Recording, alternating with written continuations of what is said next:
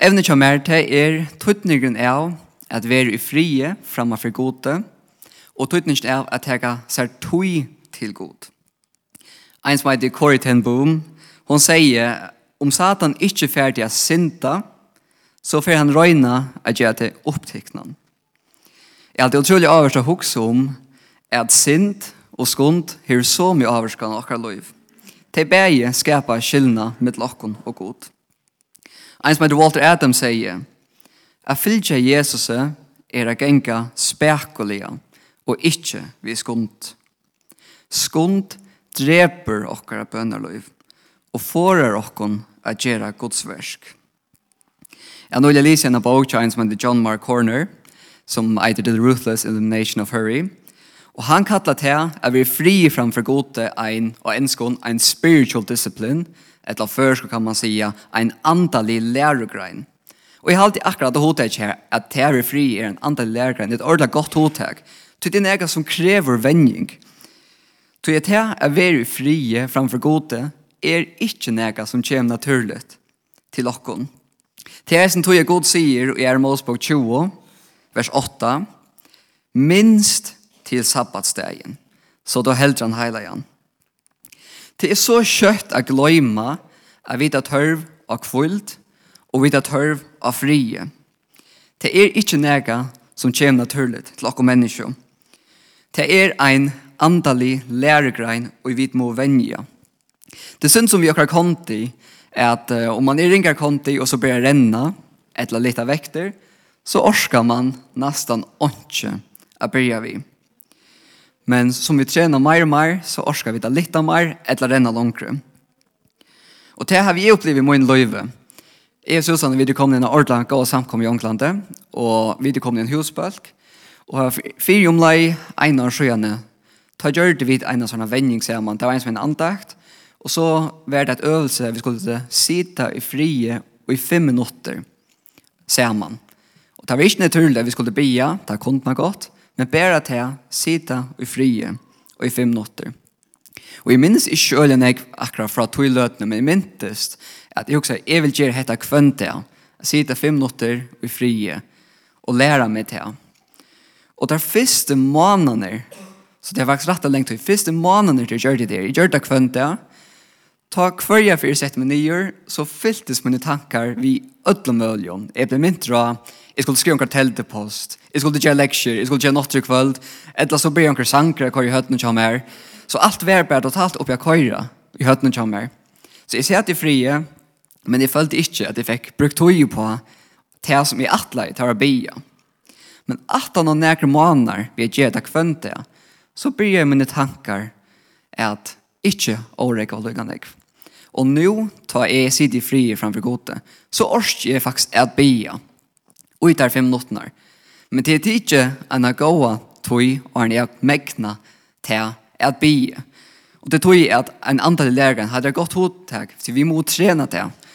Om det ikke er vann vi er frie, så får jeg nok oppleve til som jeg opplever. At det er sere, sere strev jeg bryr vi, men det blir lattare og lattare. Til tvei, nei orska, til troi høsevner er ikke tega fram i det om tuttningen er vera i frie framman for gode. Til er sannføring om synd, sætna punkten er trakka inn i det er god til setta kontrolleier, og det tre er god brøydrokken. Jeg får lese noen vers ur Josfa, og i kapittel 6, her leser vi om at Israel fer en storan sier av Jericho. Så de vittna et størst ontor, til vinna av Jericho. Jericho Og så stender i Jossa 6, vers 8. Men vær kun vel for de bannløsta, så tid ikkje etter at tid hava bannløst, teka neka av de bannløsta, og så les gjerra at atlur her og Israels kjemur under bann og valda honom vannlokkom. Så Israels, Israel her akkurat vunni en storan sigur, sier at størst under, og god gjev dem on eina kreia avering. Ikke teka neka av de bandløsta. Vi leser så Josva 6, vers 1. Men uisens menn bor seg trolest at vi hit bandløsta.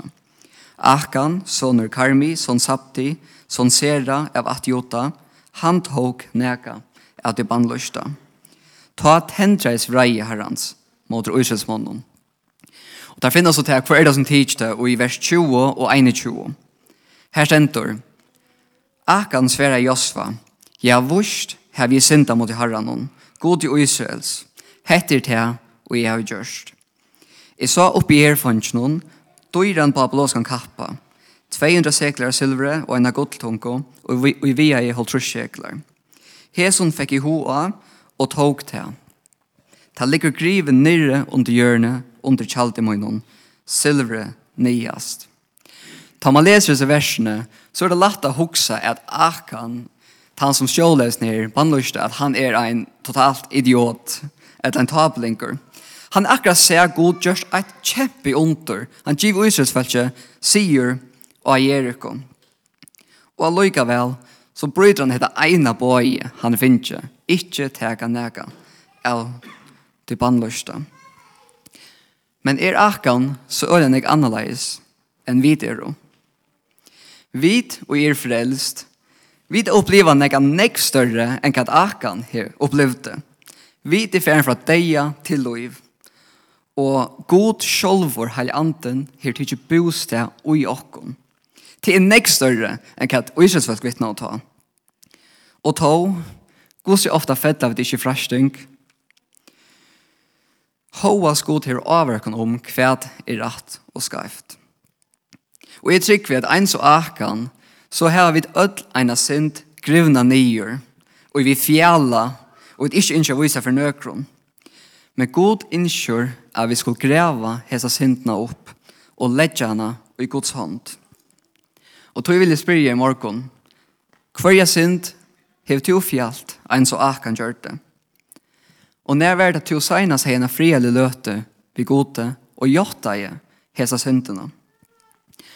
Ett annat som är fantastiskt vi är ved frie, Det är god han taler til oss och han kan eisen vise av kvar jag är center vi tar grivna ner som vi kanskje inte känner till.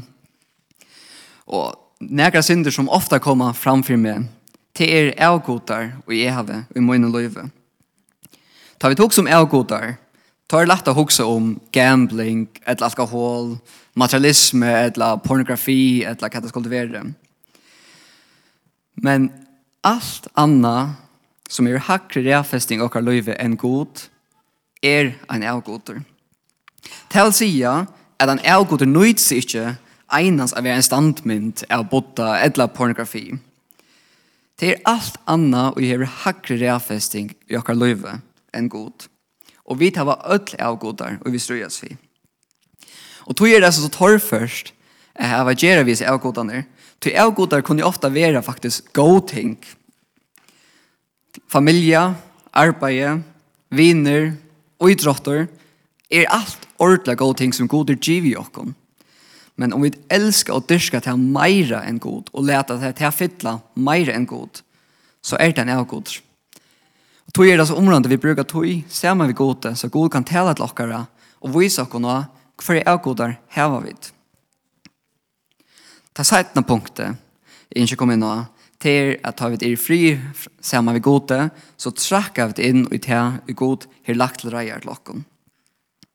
Vi leser i Josva 18, vers 3. Josva sier tog vi Israelsmenn, Gosse lønge atla tid at drala enn, og han tid færa og tega lande, og i herren god fedra tikkar her givet. God hei gjørs alt klart til Israels folk, Og nå skulle jötane færa og tega landet. Og Josva spyr, hvordan lønge atle tid er at drala? Og da jeg leser disse versene, så også jeg, hvordan er det vi mer? God til giv jokon så nekv lyfte, kvi dralje så nekv med min andre løyve. Nøgra lyften er jo at God til vil lova at han høyre meg ta i bil hans herre. Han er lova at han aldri skal sleppa meg. Han er lova at han er en djupa omsorgan for meg. Ein scene som vi, eller vi nok öll kjenner, til er kanskje fra filmen eller fra uidrottet her vi sitter kanskje ein, skal teka ei straffe og i kurvabølte. Og alt stadiumet er pura kvist, og han hisner personen for opp og skal bleka enda bølten og i kurvene. Og det er øyelig trusht av sin personen, for han har kunnet avrika hettar. Vi sitter så pronen han blekar bulten, og bulten fer i male, og öll råpa av glede, og som personer vil litt rop og heira ver, og öll viser kærleik til den personen, og bare vet, elsker den personen, til han er rikka jeg heter her, han klarer jeg skåra. Men det som er fantastisk vi gode, det er at tja gode er han der rettsfylgjan øvåt. God, han älskar okkon og heirar okkon og lytter okkon opp åren vi det var avrika, nega som helst. Og det er hesen samme god som elskar okkon og heirar okkon og, og innskjer samfellet okkon som det er han som innskjer et innlitt samfella vi okkon. Og i frien og sam, i frien og samme vi gode kunne vi hava et personligt og innlitt samfella vi skapar heimsins som elskar okkon. När var det att du senast huxar om hettar? Att god er till rejer att möta här. Och han inkyr samfället vid det. Strøyes til en som er vi er drala. En som heter Dallas Willard sier Okkar troan er oendelig. Tog vi er skapt av gode, skapt til god, skapt til å tørve god, og vi er skapt til å leve for god. Vi kunne einans bliva nøkt av honom, og er oendeligur, avgjør. Vi er einans heima, tar vi er tja gode. Om vi tog skil fettla borster fra gode, så kvørver okkar av endelig troan ikkje. Vi får einans at troa etter ånder ting, vi får leia til undergeng.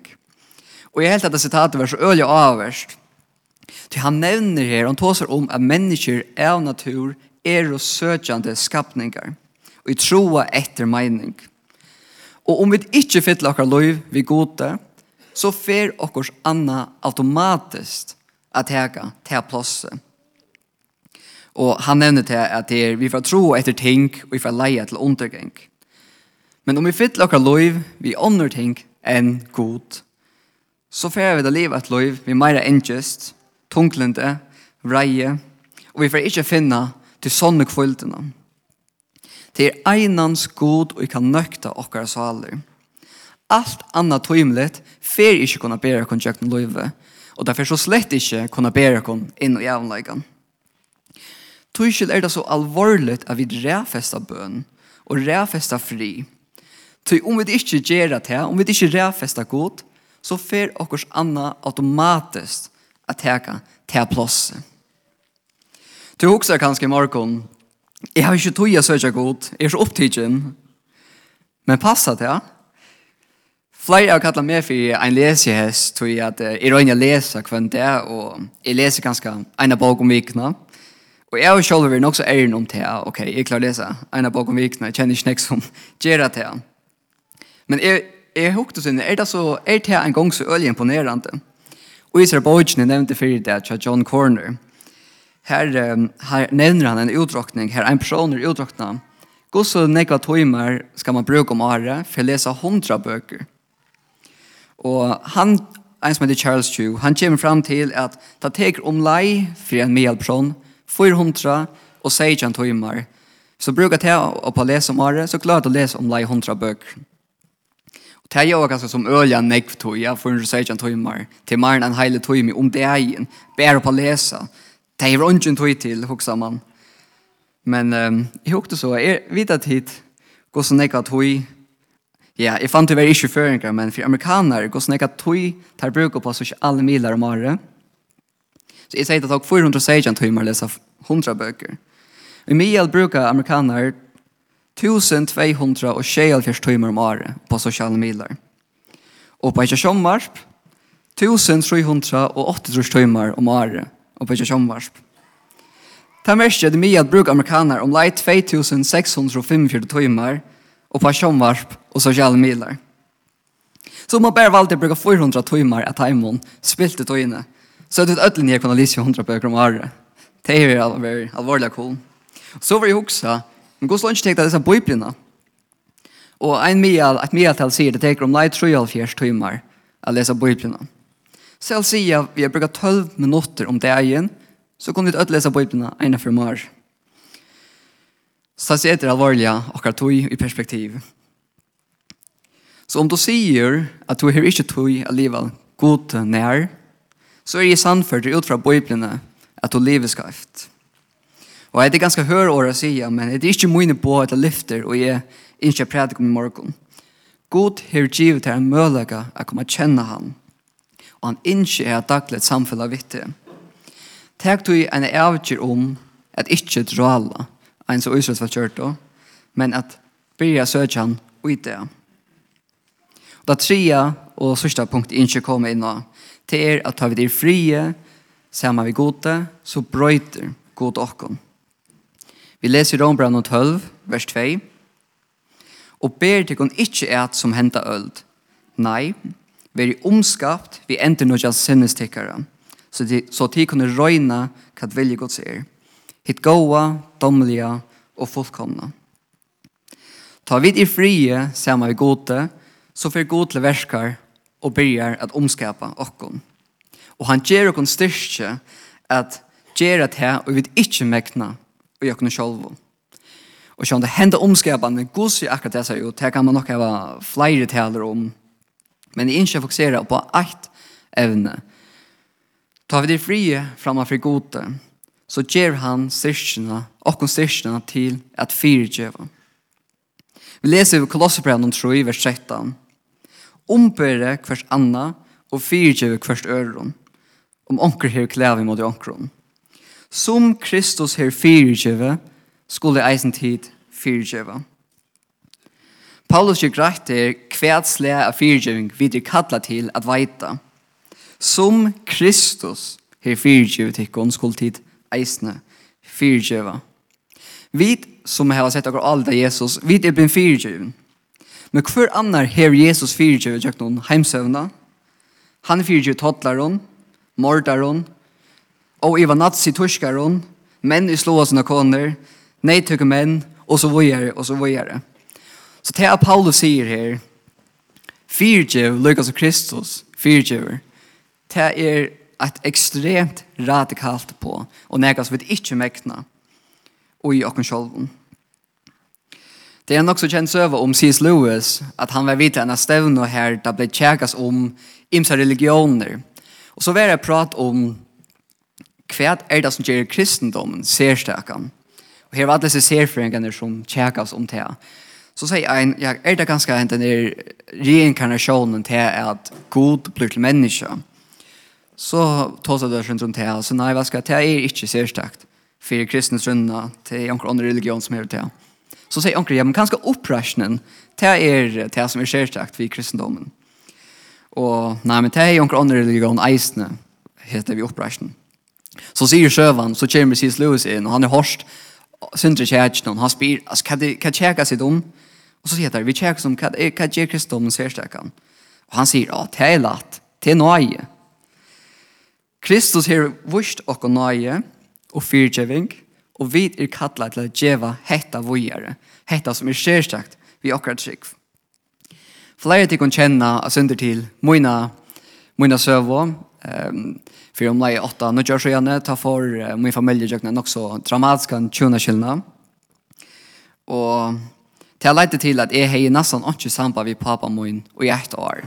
Tog jeg følte meg så mye sartan at jeg orska jeg ikke. Jeg har neka vi han at gjøre. Jeg tog til å avgjøre ta at jeg ville fyrtjeva ta alt det der kom hente, men jeg har simpelthen ikke orskna til det. Um, men jeg ber for pappa min noen. Nesten kvønte det. og i rett år. Um, og at han om et år ta følte jeg, nå var jeg til reier. Jeg tenker samband vi en natt. Pappa min bor ikke åtta land. nei, bor ikke i Førjen ta, så jeg fikk samband ved han, og så får vi ikke han sommer 18 år. Så jeg hegnas ikke samband ved pappa min, og jeg har ikke manner, og jeg har jeg som togjørskei noen, da jeg skulle lære å fyrtje av pappa min. Men jeg får huske om, hvordan har jeg mitt liv seg ut, om jeg ikke har vilja fyrtje av pappa min. Så har det nok avvirka nesten alt om min liv.